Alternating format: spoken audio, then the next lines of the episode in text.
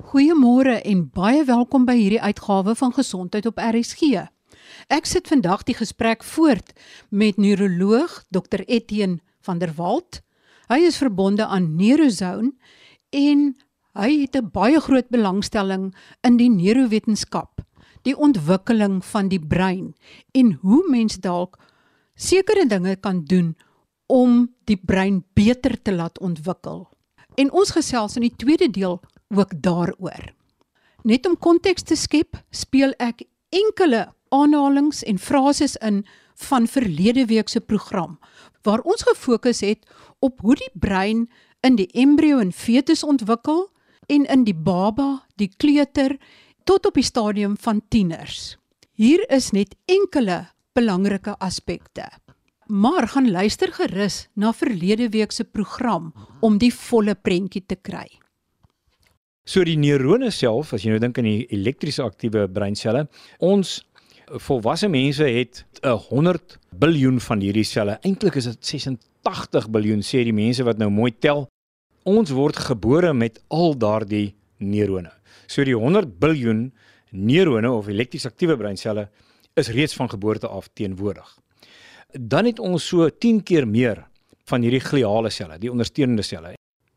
Die neuraalbuis is volledig ontwikkel 4 weke na konsepsie.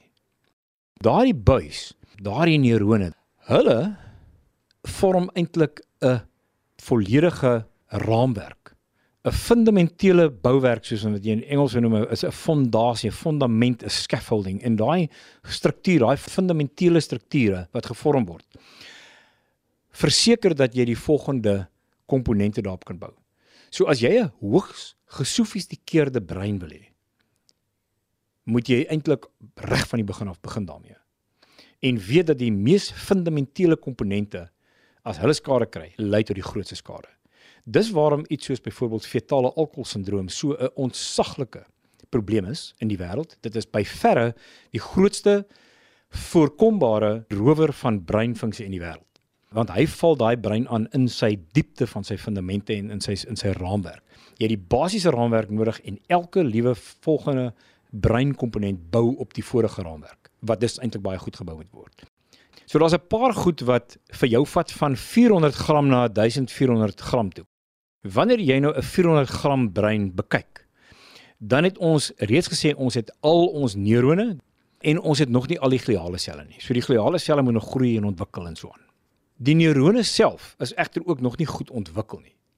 Die breinsel, die neuron het dus met geboorte baie min koneksies en nie van daai mielien eintlik in nie. So baie min daarvan. So nou gaan die brein en hy gaan nou allerlei wonderlike goed doen om die regte koneksies te vorm en die regte insulasie te verseker van mielien op die regte plekke. En hy gaan dit baie geprogrammeer doen. Met ander woorde, hy doen dit op die stadium wat daardie area van die brein belangrik is om ons oorlewing te verseker. Jy gaan met ander woorde eintlik dele van die brein oopmaak, koneksies vorm in daardie breinselle 10 keer meer en dan gaan ons 'n besnoeiing kry. En dan bly daar vir 1 uit 10 oor. En die koneksies is dan baie goeie koneksies. En dan het jy nou jou mielien wat moet vorm, nê, die insulasie wat daarna kom. En uiteindelik uh, ontwikkel ons ons laaste mielinisasie in 'n gedeelte van ons brein, die sogenaamde prefrontale korteks reg voor hier as jy jou hand hier teen jou voorkop sit, eers in ons mid-20s. Miskien 'n bietjie vroeër, bietjie so tussen die 20s en in mid-20s. As 'n tiener byvoorbeeld dwelms gebruik, kan die effek daarvan baie skadelik wees en permanent skadelik wees vir die ontwikkeling van hulle emosionele stelsel en die vermoë om emosioneel vir hulle self deur die lewe te kan laat geld uh, en te kan aanpas en veerkragtig te wees in die lewe. Ons kan nog steeds neurogenese kry in sekere dele van ons brein. Ons kan nuwe breinselle vorm, veral in die area van geheue en probleemoplossingsvaardigheid, die prefrontale korteks en dan die geheue area, die hippocampus. Dokter van der Walt, ons het in die eerste episode gehoor van die vloermoere van kleuters. Maar dan volg daar nog 'n baie turbulente fase en dit is in die tienerjare. Vertel ons meer daarvan. Dan gebeur daar nog 'n turbulente fase. Hier is so in jou 11, 12 jarige ouderdom. Miskien 'n bietjie ouer, maar deesdae weet ek ook dit is iewers tussen 11 en 14. Dit is wanneer die kind agterkom maar ek Ek gaan dit jou by eie hierso nou maak met al hierdie hierdie kennis wat ek hier opgebou het in hierdie huis nie. Ek weet te min. En dan dryf hulle uit die huis uit en gaan ondersoek die wêreld en gaan ontdek die wêreld teen 'n versnelde pas. Die versnelde tempo lei daartoe dat hulle dinge doen wat byvoorbeeld geweldig riskant is. Want hulle moet hulle moet so vinnig as moontlik soveel as moontlik leer van die wêreld. Waarom? Sodat wanneer hulle 'n volwassene geword het, hulle daardie kennis kan terugbetaal aan die groep. So die groep sê jy moet vir my terugbetaal. So ek wil hê jy moet met jou kennis nou 'n bydrae maak, dan het jy 'n betekenisvolle bestaan en jy het 'n reg om te behoort aan hierdie groep. Maar om dit te kan regkry, moet hulle nou teen 'n versnelde tempo die wêreld ontdek. En om dit reg te kry, is hulle breine in daardie area wat ek net nou verwys het, hierdie area die, die prefrontale korteks, daai deel en die emosionele meer primitiewe deel is nog nie goed gemeliniseer nie, daai insulasie van daai van daai draer nie. So hulle moet nou daardie daai mielin moet gevorm word, maar omdat hy nog nie gevorm is nie, kan hulle nog nie eintlik van die prefrontale korteks af na die res van die brein 'n sogenaamde goeie risiko assessering maak nie. Hulle kan nie regtig sien wat is die risiko nie. Die bepaling is bietjie swak. En daarom kan hulle groter kansse vat. Tot hulle eie nadeel ook, maar meestal tot die voordeel van die spesies. So, daardie brein tipies sê hulle onderskat die risiko en oorskat hulle eie waarde of hulle eie vermoë om hierdie eintlik hierdie probleem te oorkom. En dit is 'n tienerbrein.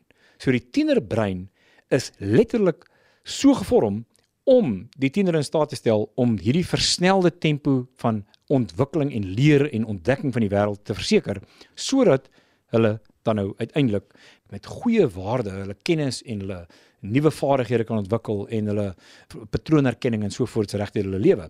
Dit is krities vir tieners om dit te kan doen. En ook jy dink een van die probleme ek wil dit sommer so sê want een van die groot probleme wat ons het vandag is dat ons kan nie tieners die huis laat verlaat nie. Hulle is nog te jonk en dis nog te gevaarlik. So nou moet jy eintlik as jy 'n baie goeie ouer van 'n tiener wil wees, moet jy eintlik 'n tiener kan laat voel dat hulle die huis verlaat het. Maar hulle moet nog steeds die veiligheid van die huis hê. So in hulle breine moet hulle voel dat hulle die wêreld ontdek. Dit is baie gevaarlik. Die slegte nuus is as jou kind in verkeerde groep ingebed is, die sogenaamde peer groep, as hulle daar vas is in 'n verkeerde groep, gaan jy van nie daar uitkry nie. So maak maar seker as jou kind baie jonk is dat hulle in die regte groep assosieer en dan uitgaan en die wêreld ontdek. Omdat tieners se breine in die ou dae buitekant die huis was, in die veld, was die enigste plek van veiligheid vir hulle die ander tieners wat saam met hulle daar rond geswerf het en baie doelmatig natuurlik die plek ontdek het. En daarom vind hulle net in hulle eie groep. So 'n sterk behorendheid, toebehoorendheid, toevertroudheid en daarom kan jy nie veel daai kry nie. Dis eintlik 'n fascinerende gedagte. Dit verklaar eintlik hoekom so baie jong mense wat nie noodwendig goeie rolmodelle het nie, so maklik deur bendes ingetrek word.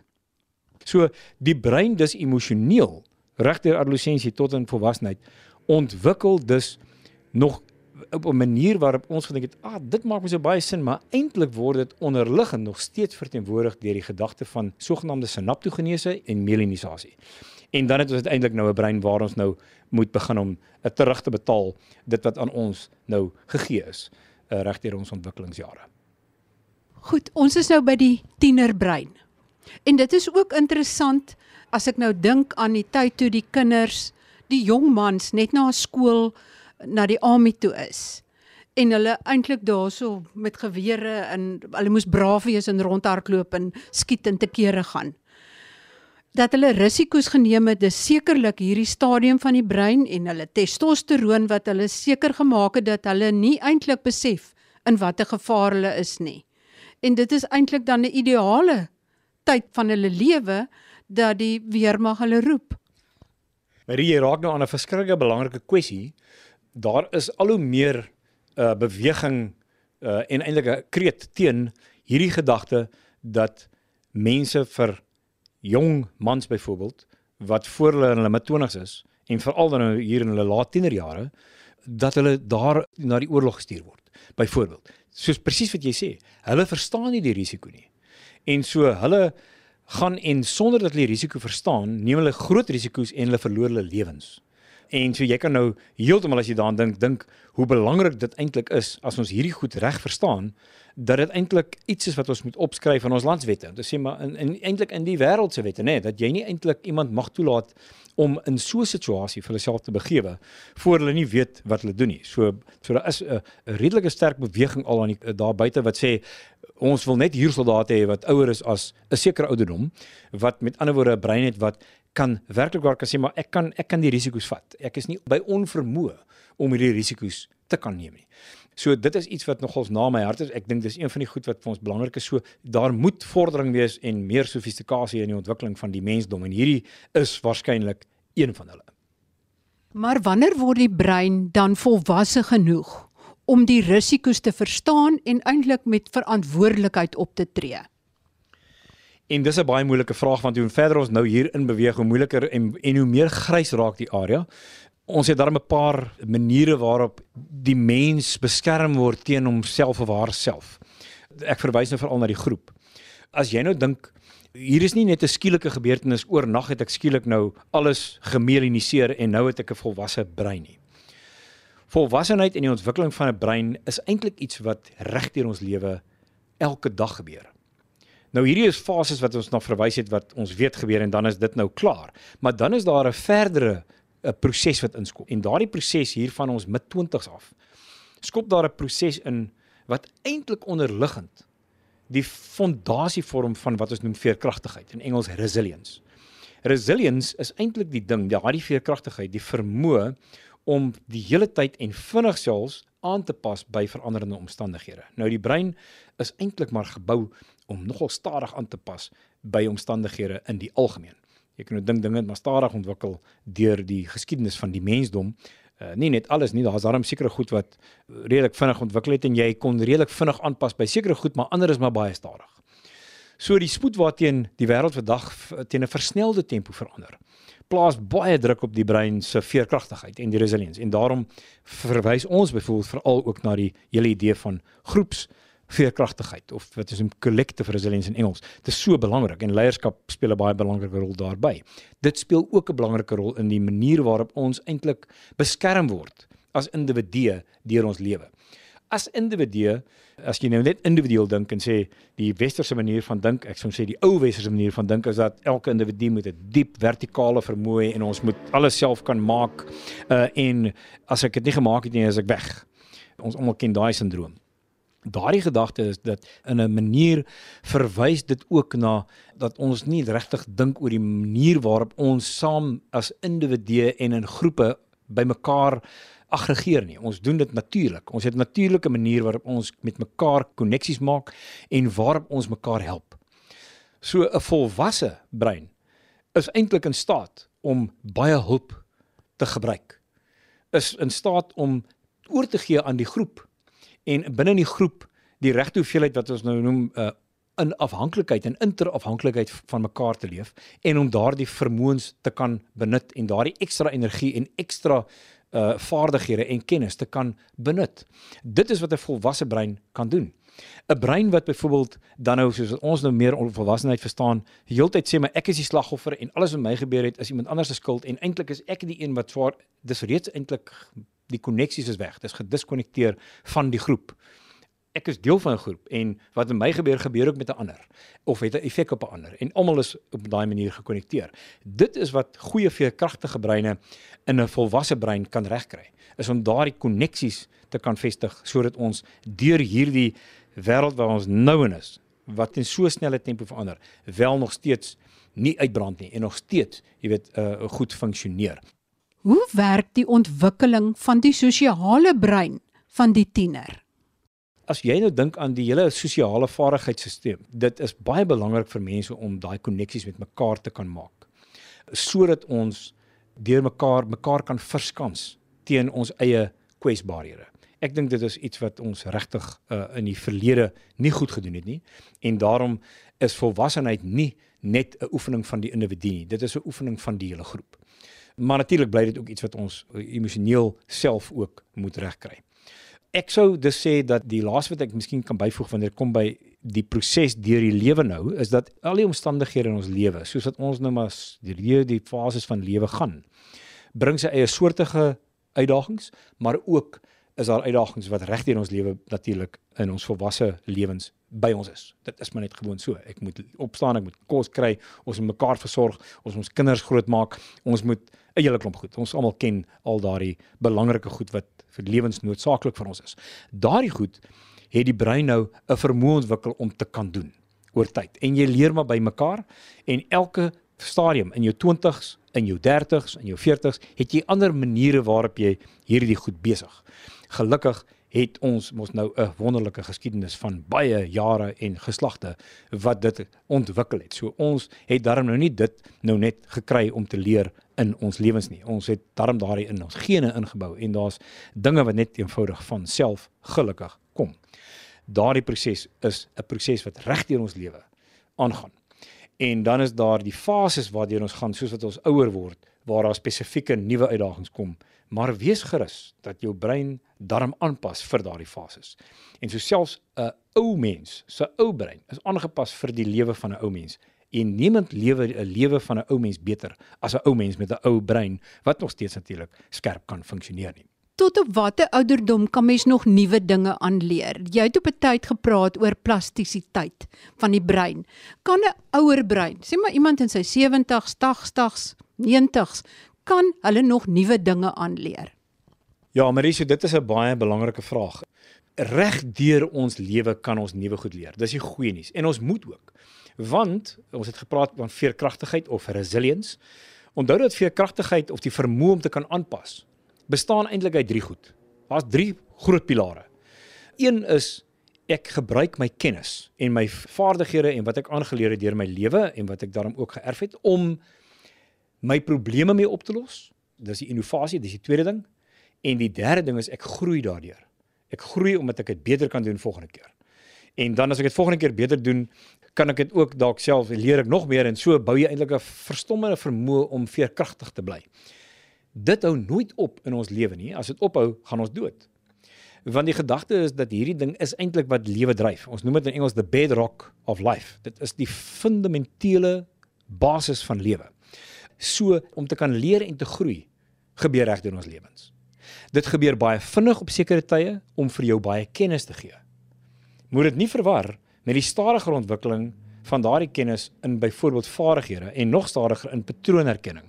Uh, as jy nou dink aan Engels expertise, dis daai dis die, dis mense met die ervaring wat regtig ervaring het en expert, maar dis jou vermoë om dit so goed te kan doen en dan het jy reg in jou lewe het jy hierdie komponente wat jy met jou saamneem. Maar jy kan nog altyd reg in jou lewe moet jy nuwe dinge kan leer.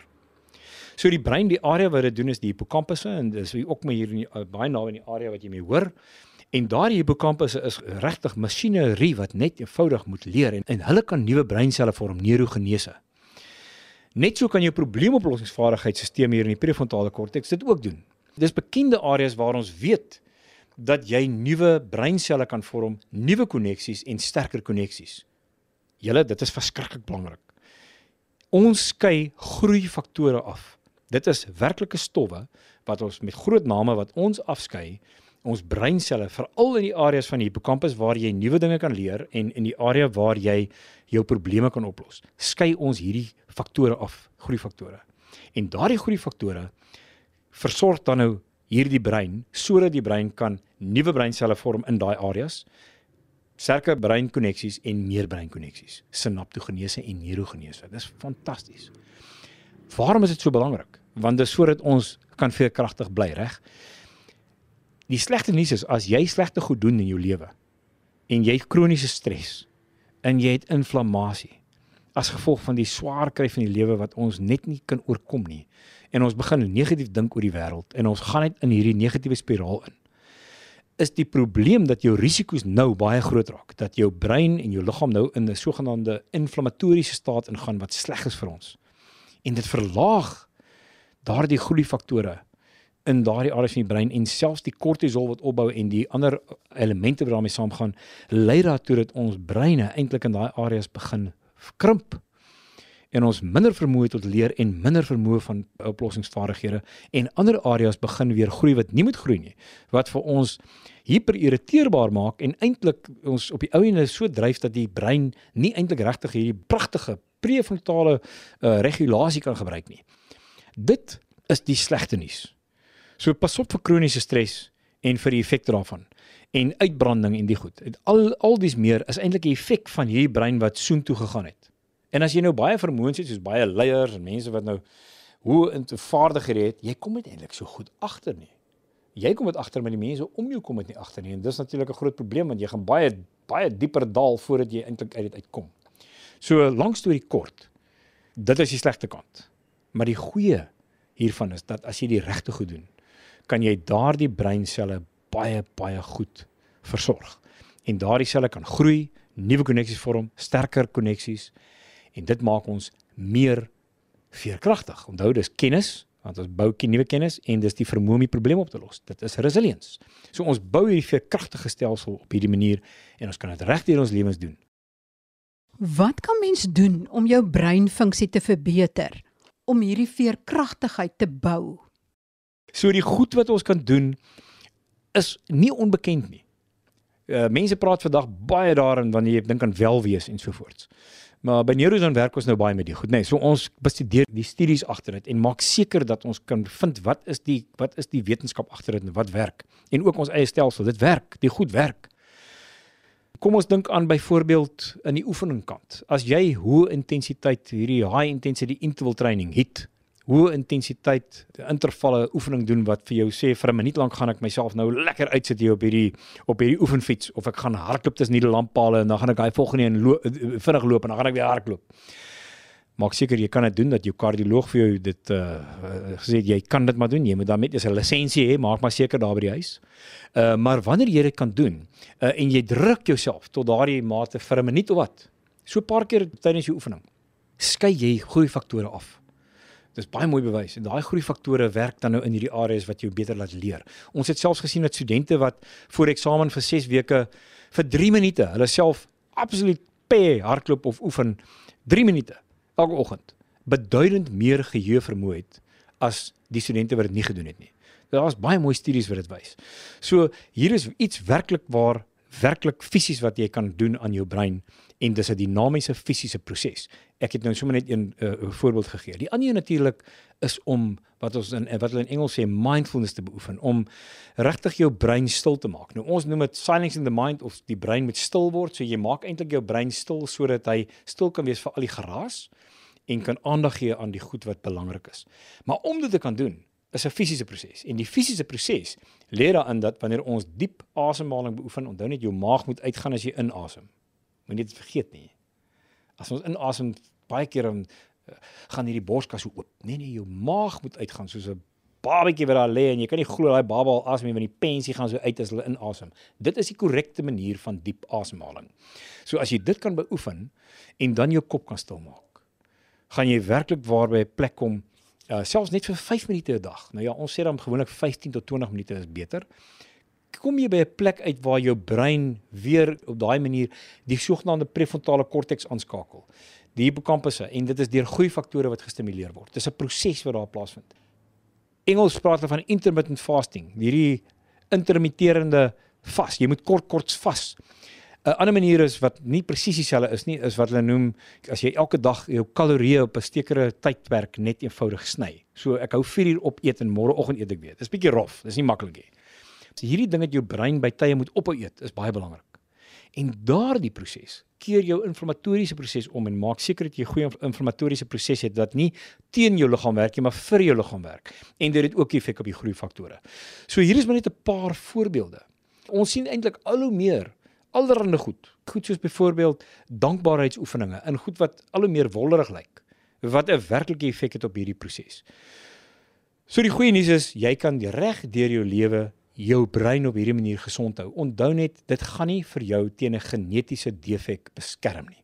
So as ons geneties uh, 'n swak plek het wat gaan lei tot demensie in my ouer jare, sal ek deur so 'n proses deur die jare moontlik dit kan uitstel ek kan nie sê met dat mense dit gaan verhoed nie.